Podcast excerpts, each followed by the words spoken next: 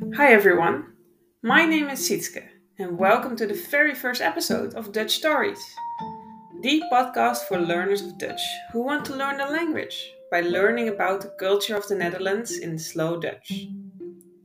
Today I will be telling you about the Elfstedentocht, a very famous long distance tour skating event on natural ice, which takes place in the Dutch province of Friesland. Elfstedentocht can be roughly translated into 11 cities tour, so you can guess how many cities take part in this tour. Oké, laten we beginnen.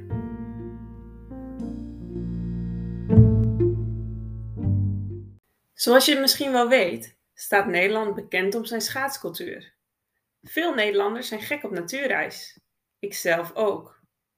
Ik was helemaal blij dat we afgelopen winter weer eens op natuurreis konden schaatsen. Iets wat je veel hoort als het een paar dagen gevroren heeft, is de vraag of er ook een Elfstedentocht komt. Maar wat is de Elfstedentocht? De Elfstedentocht is een schaatstocht van maar liefst 200 kilometer, die op natuurreis wordt geschaatst langs elf steden in de provincie Friesland. Friesland is een van de meest noordelijke provincies.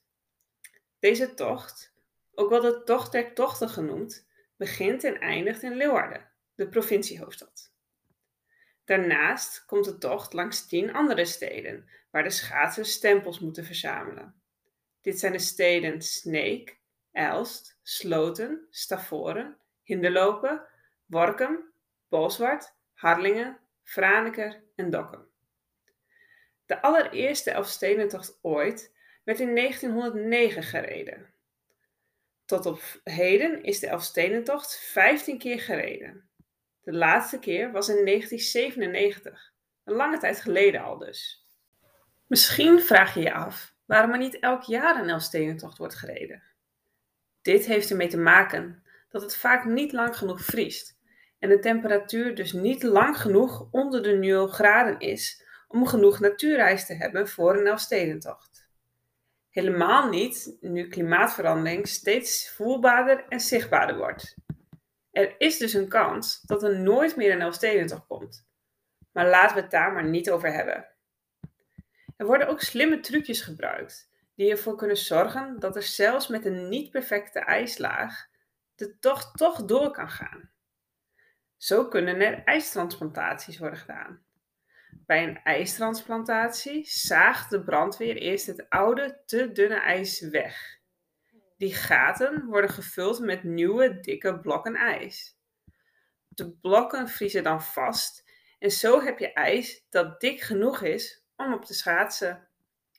Soms wordt er niet voor ijstransplantatie gekozen, maar moeten de schaatsers een stukje op het land lopen met hun schaatsen nog aan totdat ze weer bij veilig ijs komen. Dit wordt klunen genoemd. Word je enthousiast van het idee 200 kilometer door het prachtige Friese landschap te schaatsen? Dan kun je je inschrijven bij de vereniging die de Elfstedentocht organiseert. Dit is de Koninklijke Vereniging de Friese Elfsteden. Zij organiseren de tocht. En ook als buitenlander kun je lid worden en meeschaatsen. Wanneer de Koninklijke Vereniging de Friese Elfsteden heeft bepaald dat het ijs dik genoeg is om een Elfstedentocht te organiseren, worden er drie van de meest bekende woorden van de Friese taal uitgesproken. Dit zijn de woorden It get on, wat in het Nederlands betekent het gaat door. En dan feest. Friesland staat op zijn kop als er een Elfstedentocht is. Overal langs de route worden de rijders aangemoedigd met liedjes en gejuich. Daarnaast zijn er miljoenen mensen die de tocht volgen op de tv. Als rijder moet je je niet te veel laten afleiden door al die feestende mensen. Je moet namelijk ook nog snel zijn. Je moet voor 12 uur s'nachts over de finish in Leeuwarden zijn. Alleen dan krijg je een Elfstedenkruisje. Dit is het bewijs dat je de Elfstedentocht echt hebt uitgeschaatst. In 1963 werd de zwaarste tocht ooit gereden. Bij de start was de gevoelstemperatuur 18 graden onder nul. Ontzettend koud dus. En dat niet alleen. Er was een harde wind waardoor het nog kouder voelde en het ijs was slecht met veel gaten en spleten.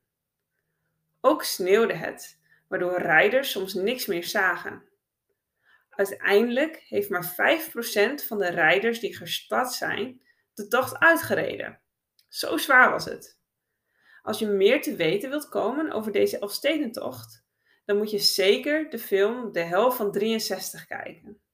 Een film die helemaal in het teken staat van de Elfstedentocht van 1963. En dan nu een fun fact. In 1986 schaatste ook de Nederlandse koning Willem-Alexander mee, onder de naam W.A. van Buren. Hij gebruikte deze naam als schuilnaam. Zo wisten mensen niet wie hij was. De nu huidige koning, die toen nog een 18-jarige prins was, heeft de tocht ook uitgereden. Een knappe prestatie, omdat hij daarvoor nog nooit meer dan 65 kilometer had geschaatst. Omdat de laatste Elfstedentocht al zo lang geleden is en ik toen nog heel klein was, herinner ik me er niks meer van. Maar als je beelden van vroeger bekijkt en als ik de verhalen van mijn ouders en grootouders mag geloven, is het een groot evenement waarbij heel Friesland feest viert. Dus laten we hopen dat de woorden het Gittongen snel weer klinken en dat er een nieuwe Elfstedentocht zal plaatsvinden.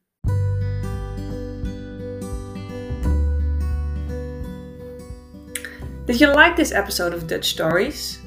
Please consider subscribing to not miss any of the bi-weekly episodes. Tot de volgende keer!